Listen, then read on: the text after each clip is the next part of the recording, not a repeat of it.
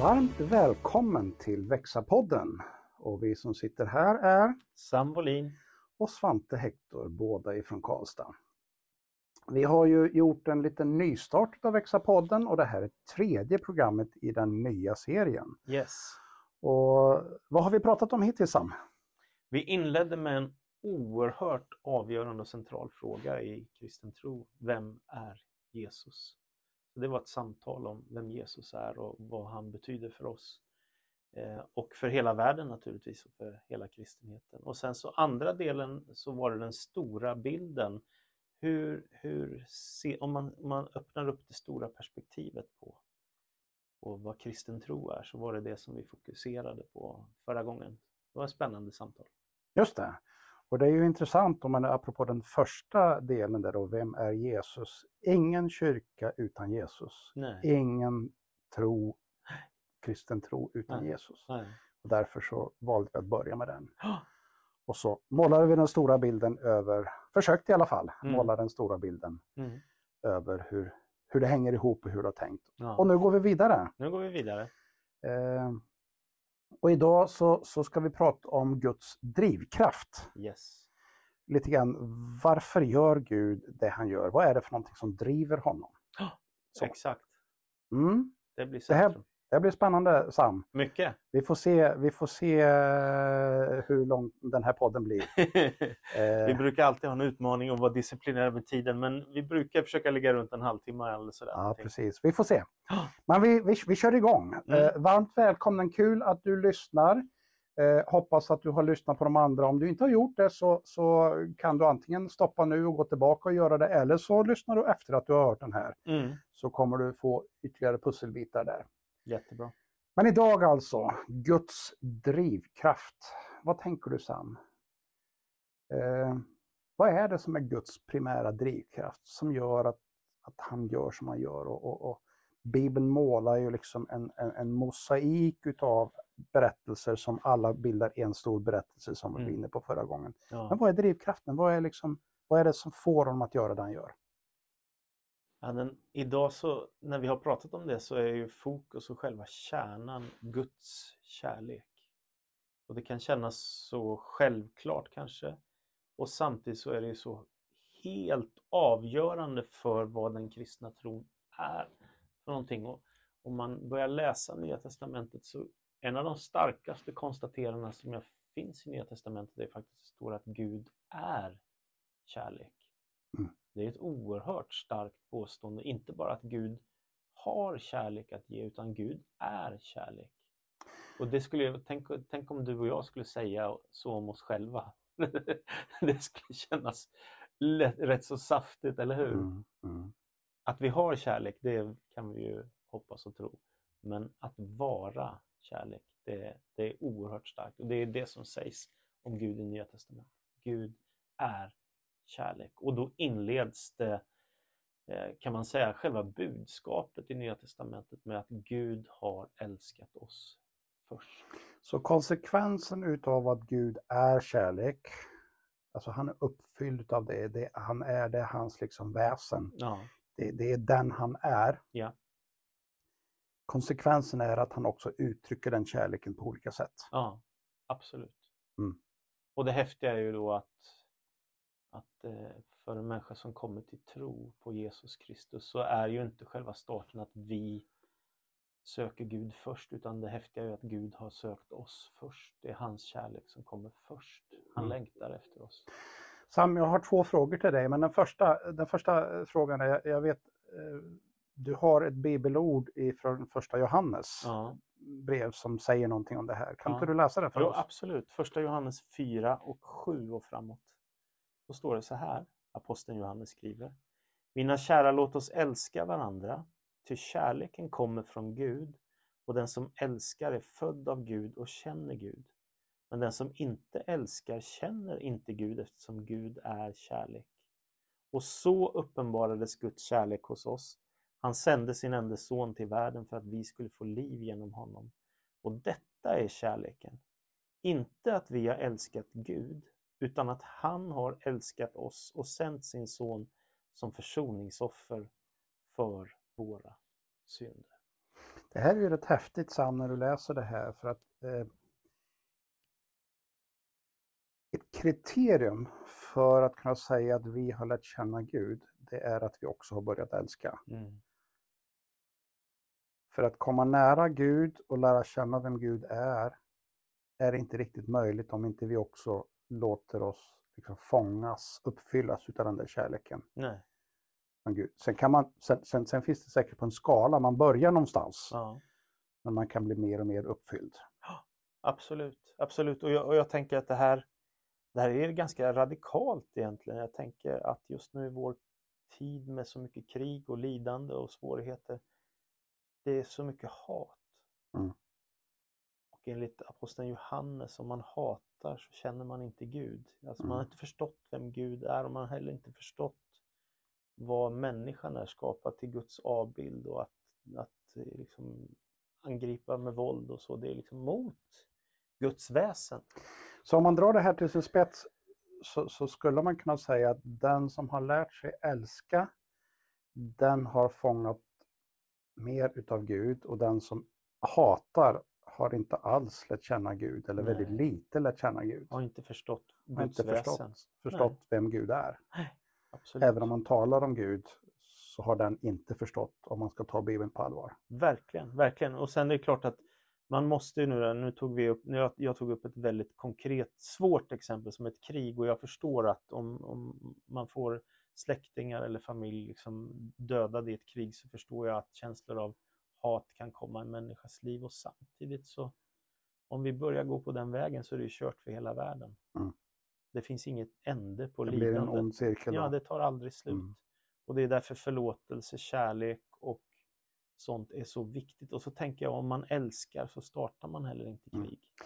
Men du Sam, det det här med uttrycket kärlek, vad det nu är för någonting, Ja. det här har ju sysselsatt människan genom alla tider. Ja, Och det gör det fortsatt. Alltså Ja. vi kan ta eh, de allra, allra flesta filmer har på ett eller annat sätt med kärlek att göra. Ja. Eh, om vi tänker oss spelfilmer eller Ja. sånt som man ser. absolut. På ett eller annat sätt finns det med. Eh, och, och då är min fråga så här, vad är din, har du någon berättelse så här där du själv har upplevt den goda kärleken, där den har drabbat dig, där den har uppfyllt dig? Har du något, har du något exempel där du kan liksom beskriva det här? Absolut. Eh, och jag, tänk, jag tänker nog så här att, att, att just det här har jag blivit drabbad av, att Gud har älskat oss först. Så jag har ju själv gjort väldigt starka andliga upplevelser, inte minst som tonåring då efter att vår familj gick in i omsorg så då blev jag verkligen drabbad av Gud och gjorde starka andliga upplevelser där 17-18 år någonstans som jag var som, som satte hela min livsinriktning och jag, jag tänker nu efteråt när, när jag har gått 36 år eller vad det är sedan dess varför är jag fortfarande kristen? Jo, men det är för att jag, jag mötte Guds kärlek och, och Guds kraft som i slutet på mina tonår väldigt, väldigt starkt. Eh, och jag märker hur mycket det har format mitt liv och satt en livsinriktning och prägel på mig. Sen kan jag ju också säga, men det är inte bara det, utan man lever ju i relation till andra människor. Så att, att möta den kärleken som jag har sett hos min fru eller hos mina barn eller hos vänner, alltså den, den har ju också ofta rört mig till tårar, att det finns något så starkt här. Men, men jag tror att just, just det här hos Gud så har det varit att, att han älskar oss långt före vi börjar älska honom. Det har varit, det har varit så oerhört starkt att, att få uppleva. Och för mig har det verkligen varit starka andliga upplevelser också av Guds närvaro och Guds kärlek. Så att det är inte bara och andedop och sådana saker. Det är inte bara liksom en teologisk sanning utan det är andliga erfarenheter som drabbade mig som ung, som förändrade mitt liv. Verkligen. Och som håller fortsatt, Som 36 år håller senare. 36 år senare. Och jag, och jag tänker så här, jag är så oerhört glad att jag inte föddes i en familj eller i ett land där jag lärde mig att hata andra människor. Mm. Eller att jag växte in i någon religiös eh, grupp av människor som liksom uttrycker hat mot andra. Utan jag, jag har fått med mig, och sedan min, min tonårstid, liksom, kärleken ifrån Gud. Gud har älskat oss först och vi ska älska varandra. Och det här har jag fått med mig. Jag tänker det är ju Det är därför jag blir så lycklig, för att det är det här som livet handlar om. Och, och, och så, jag har ju två, bara jättekort innan du får säga något också. Det ena är, nu i helgen som gick här så hade vi besök av Jeanette Karlsson som ju har varit inne i nyandligheten i många, många år innan hon gjorde ett starkt Jesusmöte och blev kristen här för drygt två år sedan. Och hon var här i vår kyrka och vittnade om det. Och då sa hon att eller jag, har, jag har längtat hela mitt liv efter att känna mig älskad och det är det som händer när man kommer till Gud, när man upplever Jesus, att man, man får den här kärleken. Jag är älskad av Gud sådan som jag är, även om jag är otillräcklig eller för mycket eller sådär. Det andra har bara konkret, det är jättekort också. Jag kommer ihåg när min första tjänst som ungdomspastor, så kommer jag ihåg Maria som kom till vår kyrka. Och hon eh, kom helt utifrån att vara en sökare men hade drabbats av att hon ville söka Gud. Och eh, då kom hon och blev kristen och hon blev, jag döpte henne. Och så sa hon till mig efteråt, jag har aldrig upplevt en sån här stark kärlek förut i mitt liv som jag har gjort här och nu. Liksom. Det, var, det var en livsförvandling och idag är hon vice föreståndare i Missionskyrkan i Norrtälje där jag jobbade då för länge, mm. länge sedan. Mm. Så, att, så, så, det kan hända något väldigt starkt i människors liv. Hur är det med dig Svante? Har du något? Ja, men absolut. Jag, jag funderar, funderar här innan vi, vi börjar spela in den här podden. Vad ska jag välja för någonting? Alltså ja. jag, jag, skulle ju kunna ta upplevelser utav kärlek som är förmedlade utav mina föräldrar. Ja. Utan tvekan. Men jag, jag landade ändå så här. För 20-tal år sedan gick jag igenom en livskris. Jag, eh, jag gjorde det som många har gjort. Jag gick in i väggen. Mm.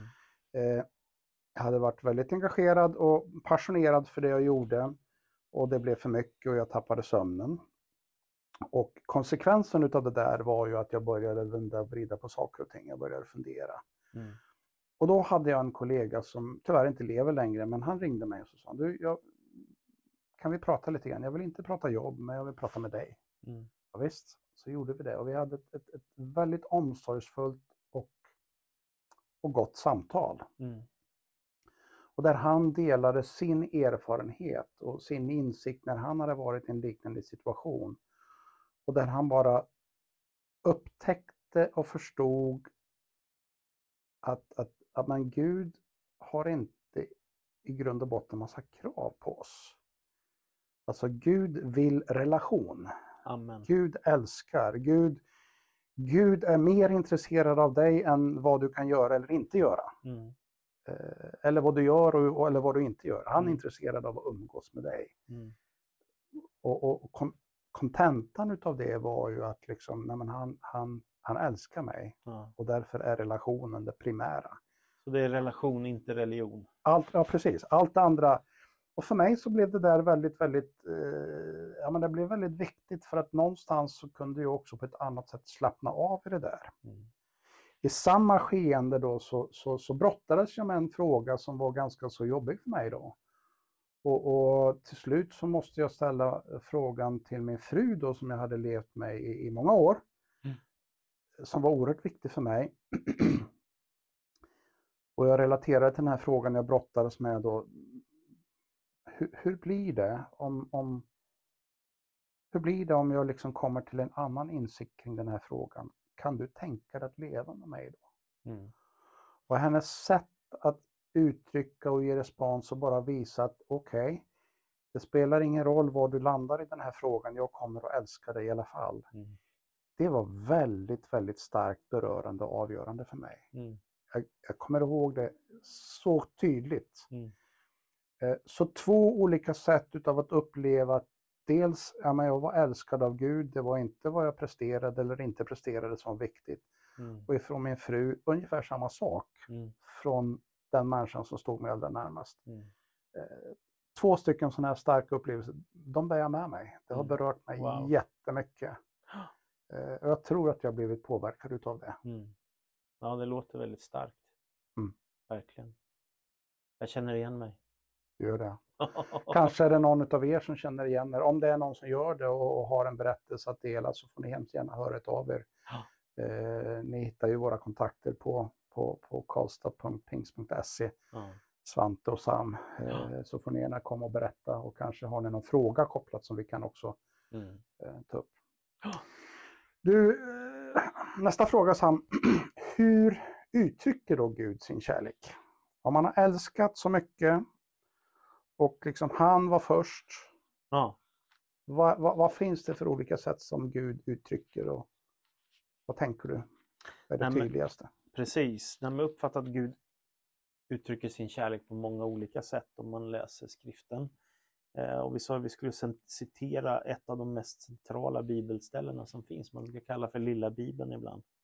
Och det står i Johannes 3 och 16, så älskade Gud världen att han gav den sin enda son för att de som tror på honom inte ska gå under utan ha evigt liv. Och man kan läsa vers 17 också.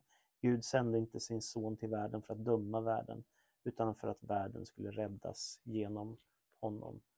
Så att, så att Guds kärlek är ju så oerhört stark att han är beredd att sända sin son Jesus Kristus att dö för, för oss i vårt ställe för att ta bort det som vi kallar för synd och synd betyder ju helt enkelt att missa målet enligt den grekiska grundtexten i Nya Testamentet eller, eller att man har trasig relation till Gud, liksom att det är brustet har gått sönder. Och, eller ondska kan det vara också som man behöver förlåtelse för.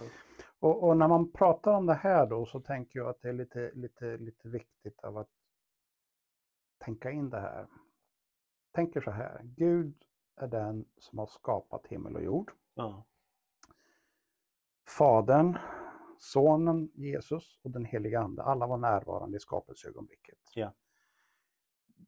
De är liksom kreatören, eller de, Gud är kreatören uttryckt i både Fader och Son och Ande. ja, Eh, Ägaren utav allting som Ja. finns överhuvudtaget. Ja. Eh, konstnären, upp, upprätt, upp, upphovsrättsinnehavaren. Och där högst upp finns då alltså sonen tillsammans med fadern, alltså Jesus. Mm. Högst av allt. mm, Och så sänder fadern Jesus och Jesus accepterar att göra det och han föds in då i ett enkelt, väldigt enkla omständigheter i ett stall mm, som ett litet barn, inte som en kung. nej, Den högsta och så föder han in i ett Ja. väldigt fattigt enkelt sammanhang. ja, Han lever här, gör en massa under som skulle kunna liksom, eller som skulle, det, det, väldigt tydligt indikerar på att det här var, var inte bara en vanlig människa. nej, Och så låter han sig dödas. ja. Han är den Guds högsta, son. Guds son. Han låter sig dödas, han dör. Och inte bara då hur som helst utan faktiskt på, på det mest förnedrande sättet för den Mm. tiden. Mm, På ett kors. ja, Det som icke-medborgare, icke-romerska medborgare och, och banditer och rövare Ja. gjorde, men inte andra. nej, Där dör han. ja. För att sen uppstå. Segra över döden. Så jag bara tänker den här resan utav heder, utav ställning, utav alltihopa. Att ödmjuka sig, att låta sig göra det. Mm. Jag tänker det är en gigantisk kärleksuttryck. Ja, det är det verkligen. Både av att fadern skickar sin son för det här, men Ja. också att, att sonen Jesus går med på att göra det här. Ja, ja, offrar sig för vår skull. För att Gud älskar oss, för att Jesus älskar oss. Det är oerhört starkt. Sam, finns det något starkare kärleksuttryck? Nej, jag kan inte komma på något. Jag tänker att det här är Guds gränslösa, villkorslösa kärlek. Han älskar oss trots att vi ibland har brutit mot hans vilja, trots att vi ibland har gått bort ifrån honom. Och jag, jag, har en, jag kan bara ta jättekort, jag har en liknande erfarenhet eh, som du, att, att livet var tufft. där Jag var sjukskriven och eh, jag hade jobbat stenhårt mitt första år i Jönköping eh, och eh, då hade jag bett min kära fru om, om att eh, få jobba så mycket jag bara kunde bara för att församlingen var i ett lite tufft läge innan vi fick en ny föreståndare, Pelle Hörnmark. Eh, och då när det året var färdigt så stod vi i hallen tillsammans. Jag kom att tänka på det när du berättade din story. Och så grät vi för jag hade jobbat så mycket och sen så sa jag om du vill nu så slutar jag. Och då, då sa min fru, nej, jag vet att du är kallad till det här, du ska göra det här. Det, det är på något sätt det är bara, det är ett så här mänskligt exempel på den här, man, man, där skulle mitt, min tjänst kunna ta slut, men den fortsatte för att min fru var väldigt kärleksfull och så tänker jag att men om man då tar Guds kärlek, vad är det han gör? Men han inte bara är snäll och låter den fortsätta, utan han offrar sitt liv. Mm. Ja, det är, det är obegripligt. Det är starkt. Ja, det är fruktansvärt. Ja. Jag kan säga så här, för er som inte ser oss här, vi, vi är berörda till tårar här när vi sitter här. Ja. ja, så är det. Men sen, Guds kärlek är ju inte bara korset och att Jesus dör för oss, utan Guds kärlek finns ju också uttryckt i skapelsen, att han har skapat världen för vår skull, för att vi ska njuta av denna skapelse som ju på grund av synden är brusten och trasig och behöver upprättas. Och det är det Jesus kommer för att göra.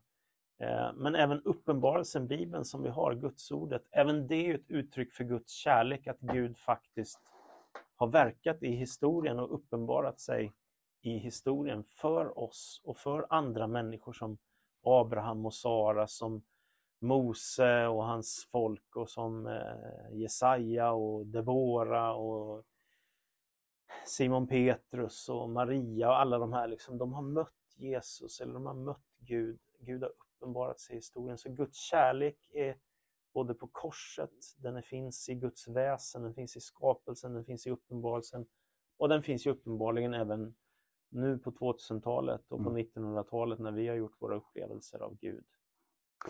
Jag blir påminnsam här om en bok som har, har påverkat mig och berört mig rätt mycket eh, de senaste månaderna här. Jag fick tag på en bok eh, utav John Burke mm. som heter Upptäck himlen. Ja. Den här har sålt alltså, över 500 000 exemplar, sålda en New York Times bästsäljare. Okay.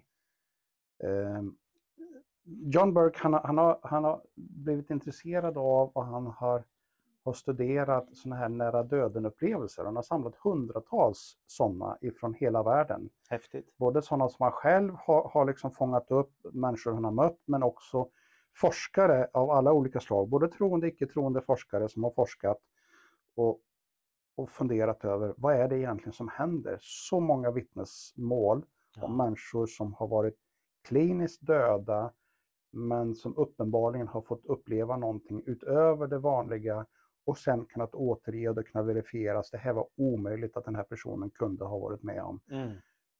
Som, som levande eller, eller i sin vanliga natur. Ja. Och då tycker jag det är så fascinerande, för en av de sakerna som, som John Burke har gjort, han har, han har tittat på, vad är det för något som är gemensamt för, de, för, för många av de här berättelserna? Mm. Och en av de sakerna som är väldigt återkommande, det är just att människor har, har i den här ja, smakprovet av himlen, som man skulle kunna säga då, mm. där har man, upp, där man mött ljuset, ja. man har mött ljusets gestalt, ja. Och man har mött den i ljusets gestalt och upplevt en kärlek som aldrig någonsin förut har upplevts. Wow. Eh, och, och, väldigt många uttrycker som så här att Nej men jag vill inte tillbaka. Det här jag har upplevt här, det är det bästa som är överhuvudtaget. Ja. En del uttrycker som så här, eller många också uttrycker att ja, det, om det här livet är svartvitt så är liksom den här himmelska upplevelsen utav mötet med, med den här ljusets herre och det som finns där kring. Ja. Det är som att gå ifrån svartvitt till färg, ja. färg, mega, extra allt. Häftigt. Så. Mm. Eh, och det är intressant för det verkar vara så här också att, att det är samma likartade upplevelse oavsett vad man har för en, en, en kulturell religiös bakgrund. Mm. Om man, man, man kommer från en buddhistisk, hinduisk, mm. eh, kristen eller sekulär bakgrund så är det samma typ av upplevelser som återkommer i de här berättelserna. Mm. Det är tusentals som många forskare har varit med och, mm. och tittat på. Det fascinerar mig. För på något vis så säger det någonting om, om det vi pratar om här idag. Då. Och jag tänker att ljusgestalten är Jesus. Ja, alltså det han gör då, John Burke, han är ju teolog också, så han, han kopplar ju, hur stämmer det här med bibelordet? Och det stämmer ju väldigt väl då. Eh, och, och, och, så. så. En bok jag kan rekommendera, Upptäck himlen utav John Burke, den finns på, på de flesta ställen där man ja. kan handla ja. böcker på nätet. Ja, det är mm. underbart och det är detta också med den kristna kyrkans tro på det Jesus har gjort för oss, att dö på korset för oss för att kunna frälsa oss och ge oss ett nytt liv, ett nytt hopp, en ny identitet, evigt liv, himmel, det himmelska perspektivet. Sam, i, I varje kyrka i princip så finns det ett kors. Mm. Ett kors som har liksom en riktning nerifrån och upp. Ja. Och sen så eh, lite kortare som sträcker sig ut åt sidorna. Ja. Man kan se Jesus i sin, sin tanke. Det finns ju kyrkor där också det finns en Jesusgestalt på den. Ja. Ehm, Vi har tittat och tänkt oss fyra olika riktningar utav den här korset här. Mm. Mm. Vilka är det? Nej, men det finns ju eh, i, i Bibelns teologi så kan man ju säga att det finns ju fyra relationer som är väldigt viktiga. Och det är ju vår relation till Gud, det är vår relation till andra människor, det är vår relation till skapelsen och det fjärde är naturligtvis vår relation till oss själva. Men Vi, vi är skapade för relation ju, enligt eh, kristen tro. Och och då tänker jag att det här är väldigt centralt att leva i. Eh, så, att, så att den här, liksom, den fyrfaldiga eh, Eh, relationsmodellen då med Gud, människor, skapelsen och vårt själv, den är ju, det är ju där liksom som hela livets mening kan utspela sig och livets eh, uppdrag och kallelse och allt sånt där. Och det som är det som både är fantastiskt med det är ju att man kan få leva i hela relationer till Gud, till andra människor och till sig själv och till skapelsen. Men man kan också paja relationen till Gud, man kan paja relationen till andra människor. Eh, Man kan förstöra skapelsen och naturen och man kan hata sig själv istället för att älska Mm. sig själv. Och det finns ju en bibeltext här också som jag kan läsa innan vi pratar vidare som finns i eh, Markus evangeliet och där säger ju Jesus så här när han svarar på en fråga. En av de skriftlärda som hörde dem diskutera märkte hur väl Jesus svarade, kom fram och frågade vilket är, de viktigaste, vilket är det viktigaste budet av alla? Jesus svarade, viktigast är detta. Hör Israel, Herren vår Gud är den enda Herren och du ska älska Herren din Gud av hela ditt hjärta, av hela din själ, hela ditt förstånd och hela din kraft. Sedan kommer detta, du ska älska din nästa som dig själv. Något större bud än dessa finns inte. Mm. Vad tänker du när du hör detta? Jag tänker att det här, är, det här är ju intressant. Och för mig så går det tillbaka till de fem första kapitlerna i Bibeln. Första Mm. Moseboken, första, andra, tredje, fjärde och femte kapitlet. Ja. För där tycker jag att man så tydligt kan se de här fyra relationerna som vi pratar om här. Ja. Eh, de går sönder när synden kommer in. Ja. Det vill säga synden när människorna börjar gå sin egen väg, sätta sig själva i centrum Ja. istället för att sätta Gud som referens och i centrum. Ja. Eh, Då går det sönder och det syns tydligt och det, det, det, det blir en skadad relation mellan människa och Gud. Det blir en skadad relation mellan människor. Mm. De börjar anklaga varandra, misstänka varandra Mm. och så vidare. Det blir en skadad relation till skapelsen Mm. och det blir också en skadad relation till sig själv. Ja. Vem är jag? Vad har jag för en roll? Och jag tycker att de här fyra områdena ser man så tydligt nu. Ta ett litet stort problem, ta ett krig, en konflikt eller vad det nu är för någonting, så bottnar det i en eller kombination av de här fyra olika relationerna. Mm.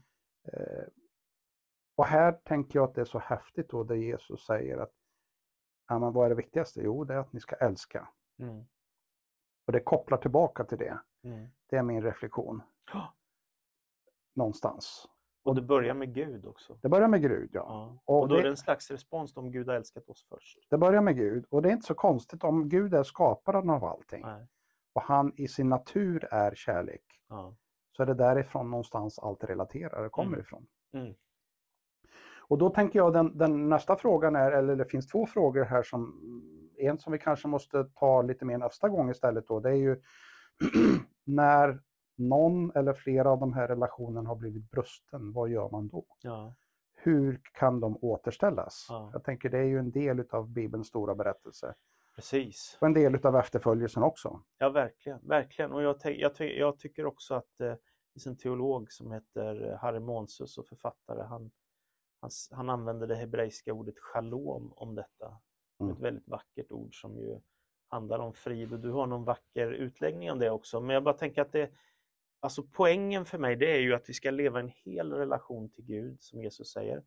Hela relationen till andra människor och hela relationer till oss själva och även skapelsen. Då. Men, och när vi gör det, då blir ju livet oerhört meningsfullt. Alltså, och jag upplever också när jag möter människor i samtal och själavård att det är nästan, ja det är väldigt ofta, kanske inte alltid, men väldigt ofta så är det min relation till Gud funkar inte, min relation till andra människor, alltså min pappa, min dotter, min kusin, min arbetskamrat, min chef eller vad det är, eller till min fru eller till min man eller sådär, funkar inte. Eller jag hatar mig själv, jag kan inte, jag kan inte Mm. förlåta mig själv för, eller jag tycker att min kropp är så ful, jag, jag kan inte älska mig själv eller vad det nu är för någonting.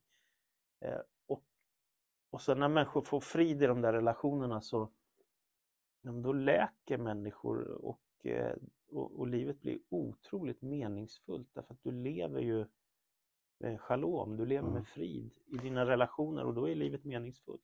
Och det, då är det intressant, eh, apropå det att det också snart är jul när vi nu spelar in det här. Ja, Jesaja 9 är ju en text som vi ofta läser om, Ja. om, om barnet som är fött.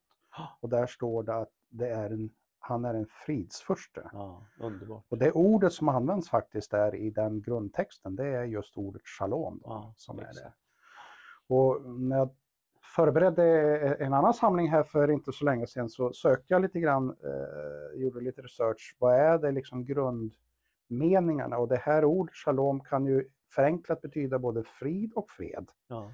Det skrivs ju Jesus då som fridsfursten, fredsfursten. Men Mm. Jag tycker att ordet är mycket rikare än så ja, och som på något vis fångar också det där som fanns i Edens lustgård och det som fanns innan synden kom in. i paradiset. Paradiset, ja precis. Och då hittade jag, hittade jag den här liksom sammanfattningen.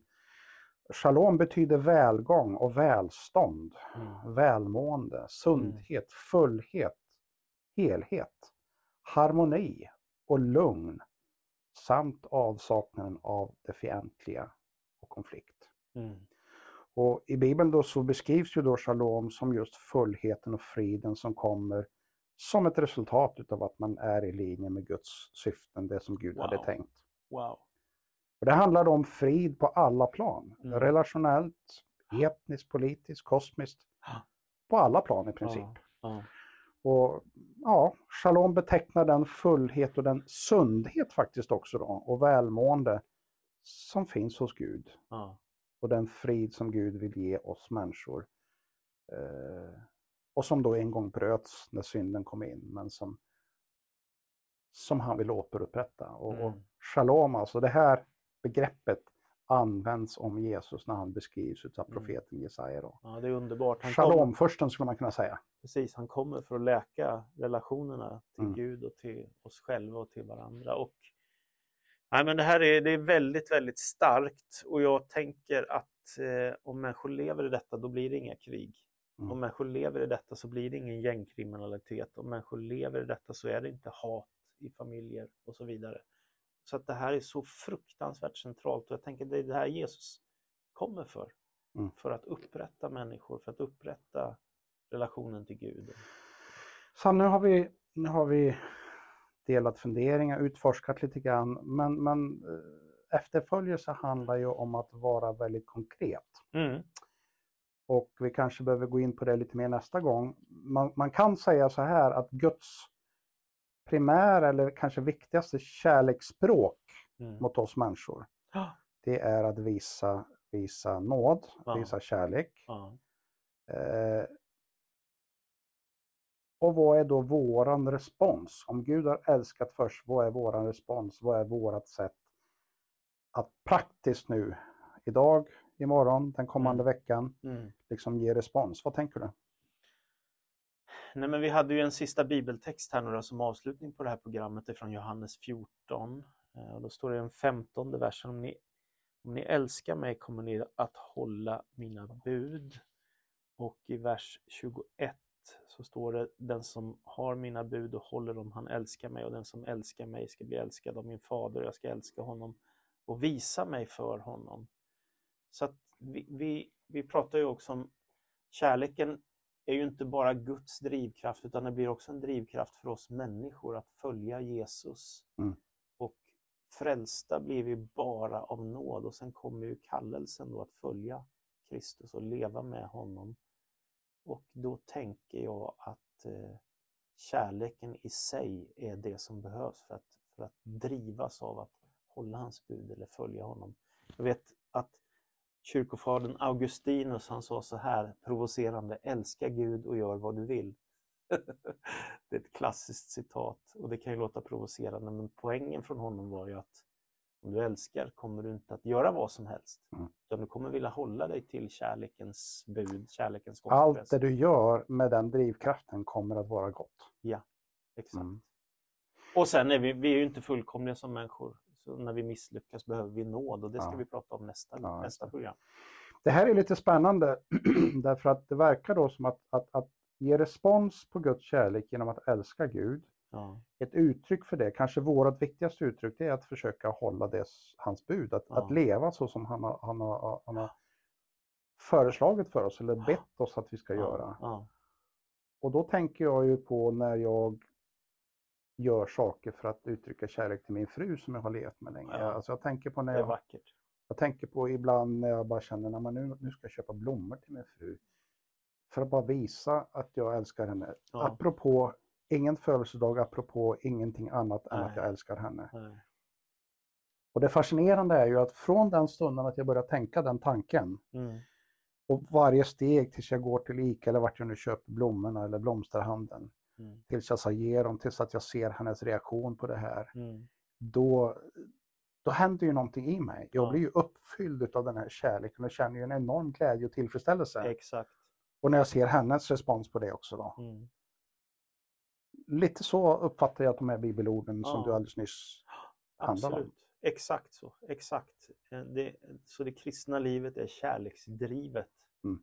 Det är inte lagdrivet i den bemärkelsen man börjar med, med lagen utan det är drivet av Guds kärlek och så om man drivs av kärleken som man upplevt och har fått den kärleken tillbaka till Gud, då vill man ju följa Jesus. Och då tänker jag att vi kan landa i den frågan. Vad gör du av det här? Vad, vad är ditt steg för att Ja. uttrycka kärlek till Gud? Ja, Vad är ditt steg för att uttrycka kärlek till en medmänniska? Ja. Vad är ditt steg för att uttrycka kärlek till skapelsen, till dig själv? exakt. Eh, Och hur kan man läka de här relationerna om de är trasiga? just det, Mm. Shalom. shalom. Mm. Precis. Spännande Sam, tack för det här samtalet. Tack själv. Och nästa podd som sagt var, vi är tillbaka igen inom inte allt för lång tid. Och då är det nåd som vi har liksom lite grann introducerat idag. Mm. Det ska vi grotta och gräva Yes. lite mer i då. Det blir spännande. Tills dess, ta ett steg. Ja. Testa vad du kan göra drivet utav kärlek eller nyfiken på. ja, exakt. Ska vi säga så? Det gör vi. Tack för idag. Tack.